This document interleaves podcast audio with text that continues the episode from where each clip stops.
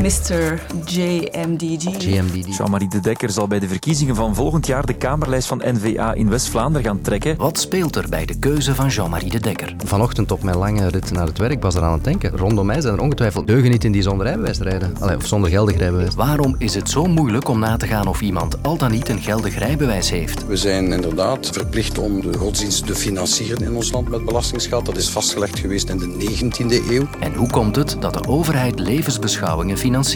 Ik ben blij dat je ons alweer gevonden hebt. Lode Roels, dat is mijn naam en dit is het kwartier. Welkom. Na een zomer van geruchten heeft de 71-jarige burgemeester van Middelkerken, Jean-Marie de Dekker, een keuze gemaakt. Vlaams Belang en N-VA trokken aan zijn mouw en het is dus eh, N-VA geworden. Maar waarom is zijn keuze belangrijk? Ik bel naar politicologe Karen Celis van de VUB en Nicolas Boutica, verbonden aan de UGent. Wel, ik denk een belang uh, voor die keuze eigenlijk op twee uh, fronten speelt. Hè. Uh, in eerste instantie is het belangrijk voor de NVA, de NVA die op zoek is naar een stemmenkanon in West-Vlaanderen. Maar langs de andere kant ook voor Jean-Marie de Dekker zelf, um, die ook nog wat ambities heeft in zijn gemeente Middelkerken. En als je als burgemeester dan in Brussel uh, aanwezig kunt zijn, dan heb je misschien ook wel wat troeven in de hand om in Middelkerken het een en het ander gerealiseerd te krijgen. Jean-Marie de Dekker gaat als onafhankelijke de lijst voor NVA in West-Vlaanderen trekken. En dat is een constructie die niet vanzelfsprekend is. Ik vrees dat dit soort manoeuvres, hè, zonder dat het gaat over de inhoud, hè, want die manoeuvres op zich zijn niet verkeerd, maar moeten wel gaan over de inhoud.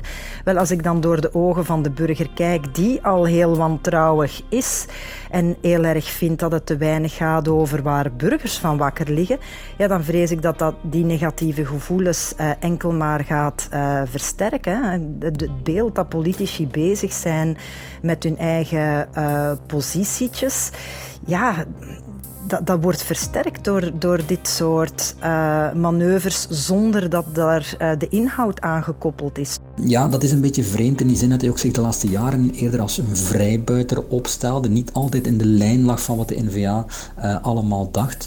Dus het is een heel vreemd concept dat van onafhankelijke lijsttrekker. maar we hebben het al gezien in de Belgische politiek. Ook Dries van Langenhoven heeft het ooit gedaan voor Vlaams Belang. En hij deed het electoraal gezien dan niet zo slecht. Dus je voelt dat hier op de achtergrond toch ook wel wat opportunisme speelt. Namelijk, ja, die N-VA is op zoek naar zoveel mogelijk stemmen. Er is wat bloedarmoede in eigen rangen sinds het vertrek van uh, Geert Bourgeois naar Europa. Dus dan heb je met um, Jean-Marie de Dekker toch wel een zekerheid dat er ja, een aantal tienduizenden stemmen bijkomen in een zeer moeilijke provincie voor um, de NVA, omdat daar twee dossiers heel uitdrukkelijk op tafel liggen, namelijk Ventilus en het stikstofdossier. Allebei dossiers die gelinkt worden aan Zuhal Demir. En die wekken heel veel vrevel op in West-Vlaanderen. Dus dan heb je een sterke man nodig, denk ik, om dat gevoel wat te gaan uh, counteren.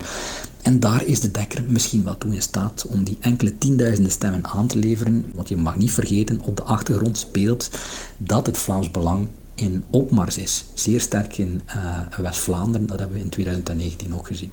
Jean-Marie de Dekker is dus terug van nooit weg geweest. Want in 2020 kondigde hij andere plannen aan op Radio 1. Ben de mens niet om mij nog de rest van mijn leven, ik ben in de winter van mijn leven, ben 68, om mij nog ongelukkig te voelen. En ik neem me dan het voorrecht bevoor, als ik mij ongelukkig voel, dat ik zeg, jongens, het is aan de volgende. Het leven van de Dekker kent meer dan vier seizoenen blijkbaar. Want na de winter kwam de comeback. Zo is hij nu eenmaal, horen we. En persoonlijkheid tonen lijkt in deze tijden steeds belangrijker te worden in de politiek. Dat is een, een nefaste evolutie in die zin dat politiek in essentie toch draait om inhoud. Je hebt natuurlijk wel mensen nodig die genoeg schwung in huis hebben om die inhoud te gaan realiseren. Maar fundamenteel komt het eigenlijk neer op inhoudelijk met elkaar in debat gaan. Dat is wat politici moeten gaan doen. Een bepaalde visie hebben uh, op hoe de samenleving moet ingericht worden. Nu, ik denk dat hij wel een duidelijke visie heeft. Hè. Ik denk dat die visie van de Dekker heel duidelijk is. Namelijk, sociaal-economisch is hij vrij liberaal. En als het gaat over communautaire zaken, ja, daar is hij vrij Vlaams gezind. Met andere woorden, hij lijkt heel sterk in de lijn te liggen van waar de NVA voor staat. En sommigen zeggen zelfs van, ja, de Dekker, dat was eigenlijk de eerste die kwam met een programma waar de NVA vandaag de dag gebruik van maakt. Het is een beetje de voorloper geweest van de NVA. Als wij vaststellen dat burgers beter connecteren met uh, politici, wanneer dat die ook een ander gezicht laten zien, ook inzage geven in, in hun persoonlijke leven en dergelijke meer, voor mij allemaal goed. Maar dat moet uiteindelijk toch wel uh, dienen om uh, burgers dan ook naar de inhoud van, van de politiek te leiden. Er zijn wel degelijk een heel aantal belangrijke dossiers die aangepakt moeten worden. En politici moeten zich in eerste instantie daar toch mee bezighouden.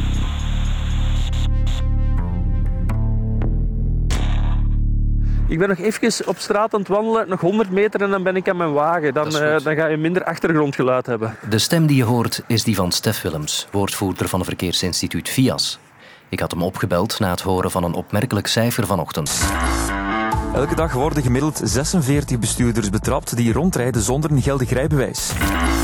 En het gaat niet om mensen die hun portefeuille thuis vergaten en het rijbewijs niet fysiek bij zich dragen. Nee, het gaat om bestuurders van wie het rijbewijs werd ingetrokken.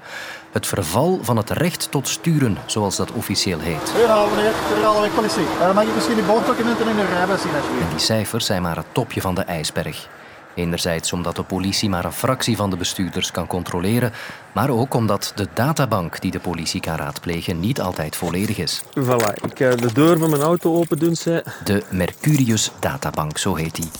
Ja, de Mercurius Databank is een kruispuntbank waarin dat verschillende databases aan elkaar gekoppeld worden en waar dat de politie dan kan zien of dat iemand op dat moment over een geldig rijbewijs beschikt. Maar helaas, en daar wringt het schoentje dus, niet alles staat erin. Denken we bijvoorbeeld maar aan de medische rijgeschiktheid. Dat zit niet vervat in die Mercurius databank. Mensen die bijvoorbeeld van een huisarts te horen gekregen hebben dat ze enkele maanden niet mogen rijden, of mensen die een rijgeschiktheidsonderzoek uh, ondergaan hebben en die een attest gekregen hebben waar dat bijvoorbeeld staat, kijk, je mag uh, zes maanden niet rijden of uh, je mag permanent niet rijden. Wel, die mensen krijgen dat attest en de mensen moeten met dat attest naar een gemeente gaan om een rijbewijs te laten aanpassen. Maar dat is het grote probleem. Wij hebben geen rechtstreekse toegang om die medische attesten door te geven naar de, de databank van de rijbewijzen. De mensen moeten dat zelf doen. Als ze dat niet doen, kan de politieman op het terrein niet weten dat zij op dat moment rijongeschikt zijn. En dat is natuurlijk een probleem. Hoe is het voor politieagenten op het terrein om te werken met zo'n centraal register? Mag ik van u documentjes van een auto alstublieft? Uw rijbewijs? Ik bel erover met Chino Verbrugge. Ik ben uh, diensthoofd verkeer, ik ben commissaris uh, voor de PZ Rivierenland. Hij noemt twee nadelen. Dat uh, in de praktijk we vaststellen dat de databanken nog niet altijd onmiddellijk worden gevoed. Hè, dus dat daar soms wat vertraging op zit. En dat kan wel leiden tot ja, van die zaken dat mensen effectief een rijbewijs tonen, maar, uh, maar eigenlijk niet mogen sturen. En twee, het opvolgen van de zogenoemde herstelexamens. Een rechter kan, kan uh, zeggen van voilà, u mag uh, gedurende ja, een, een, bepaalde periode niet meer sturen en kan dat koppelen aan herstelexamen. En dan moet je in feite een psychologisch onderzoek laten doen of een medisch onderzoek om te zien dat u wel in staat bent om nadien, als u uw rijbewijs kan terugkrijgen, om dan effectief terug te rijden. En de rechter kan dat uitspreken voor drie maanden bijvoorbeeld. Die drie maanden zijn om, dus dan kunnen wij zien van, ah ja, het verval is afgelopen, dat klopt, maar die heeft zijn rijbewijs nog niet terug. Ah nee, dat ligt nog op de rechtbank, want hij moet nog die herstelexamens doen. En daar loopt dat ook vaak vast, dat mensen die herstelexamens niet doen, of ze slagen daar niet in, of, of ja, uh, om de een of andere reden, zijn die herstelexamens nog niet gebeurd en dat kunnen we nog niet zien. Dat maakt het voor politieagenten dus niet altijd even makkelijk om uit te vlooien of iemand al dan niet wel de weg op mag. Hoe lossen we dit dan op? In een ideaal scenario heb je één unieke database waarin dat alle gegevens met betrekking tot het rijbewijs up-to-date zijn. Er is een rijgeschiktheidsevaluatie, wel, dat wordt doorgegeven, dat wordt meteen in die databank genoteerd. Hetzelfde voor verval van recht tot sturen, hetzelfde voor mensen die bijvoorbeeld een tijdelijk rijverbod hebben. Dat zou in een ideale situatie in één unieke database zitten. Liefst spreken we dan ook over een digitaal rijbewijs, waar dat ook makkelijk te, uh, door de politie te raadplegen is. Ja, dan heb je eigenlijk als politieman ook alle tools in handen om mensen adequaat te kunnen controleren, ook te weten wat ze al dan niet op een kerfstok hebben en ook om te zien of dat ze al dan niet uh, op dat moment nog met de wagen mogen rijden. De kerk staat onder druk. Niet het gebouw, wel het instituut. Dat heeft alles te maken met de televisiereeks God Vergeten, die slachtoffers van seksueel misbruik een gezicht heeft gegeven. Hun verhalen kwamen de afgelopen weken in veel huiskamers hard binnen. Hij moest mij zogenaamd altijd in bad stoppen en douchen.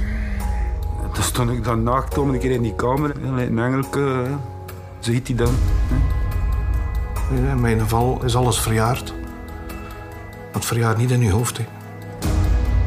En dus leeft de discussie over de kerk en welke rol die nog heeft in onze maatschappij volop. En dan gaat het ook snel hierover. Het eredienstdecreet van 2004 zegt dat wanneer een lokale geloofsgemeenschap, een, een kerkbestuur of een moskeebestuur verlies maakt, dat een gemeente verplicht is om dat automatisch bij te passen.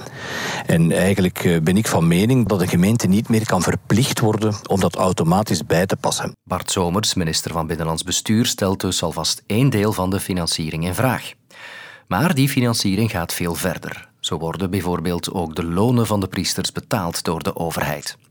En waarom? Dat is een vraag die steeds luider klinkt. Waarom financiert de overheid levensbeschouwingen?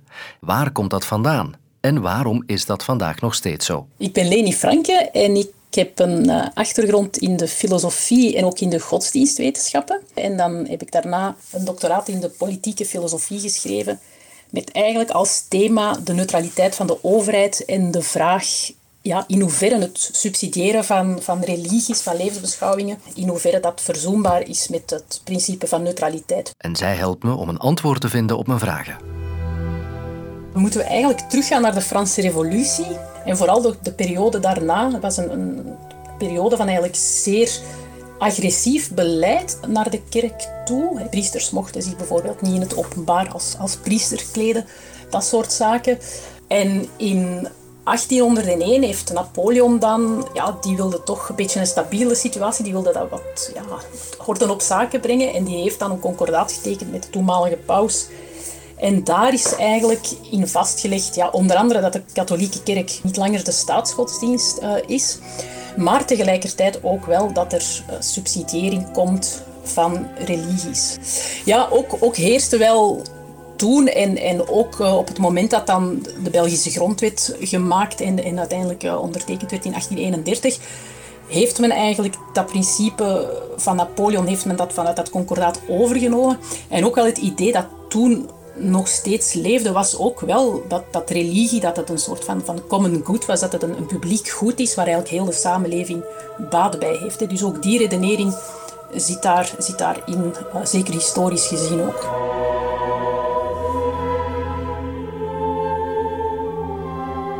Er wordt nog steeds toch wel door een aantal mensen gewezen op dat zeg maar, maatschappelijke belang. Het idee bijvoorbeeld dat geloofsgemeenschappen zich inzetten voor bijvoorbeeld de armen of, of mensen die geen dak hebben, asielzoekers enzovoort. Dus dat ze wel hun, steentje bijdragen aan de samenleving. Dat ze ook zorgen voor een, een, een vorm van, van sociale cohesie. Dat soort zaken wordt nog wel aangehaald. Alhoewel je dat natuurlijk ook kan, kan tegenspreken. En je kan even goed zeggen dat er juist meer vrevel kan ontstaan door die verschillende overtuigingen enzovoort. Een ander argument dat we zeker de laatste decennia zeg maar, vaker horen, zeker sinds de aanslagen uh, op de Twin Towers, is het um, argument van de controle. Het idee dat je eigenlijk als overheid, doordat je religies, levensbeschouwingen gaat subsidiëren, dat je die ook beter kan controleren en dus dat je op die manier ook ja, bijvoorbeeld uh, terrorisme of radicalisering makkelijker zou kunnen tegengaan.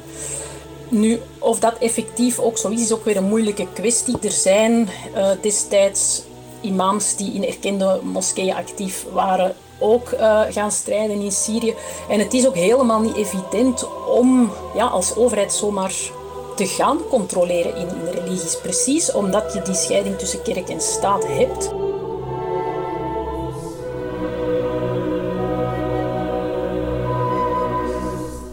Ik denk zelf sowieso dat, dat zoiets, het, subsidiëren van levensbeschouwing, dat dat zeker anno 2023 niet meer in de grondwet hoort. De grondwet dient om, om fundamentele rechten en vrijheden te beschermen.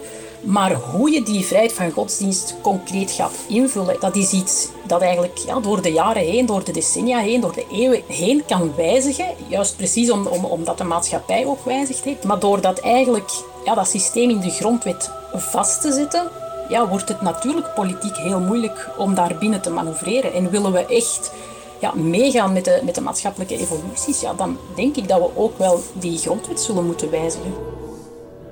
Meer maatschappelijke evoluties en interessante nieuwsverhalen brengt Sofie morgen in een nieuwe aflevering van Het Kwartier. Is dat veelbesproken boek nu wel of niet leesbaar? Joris Hessels en Annelies Moons zoeken het voor je uit in de boekenpodcast Leesbaar. Nu in de app van VRT Max.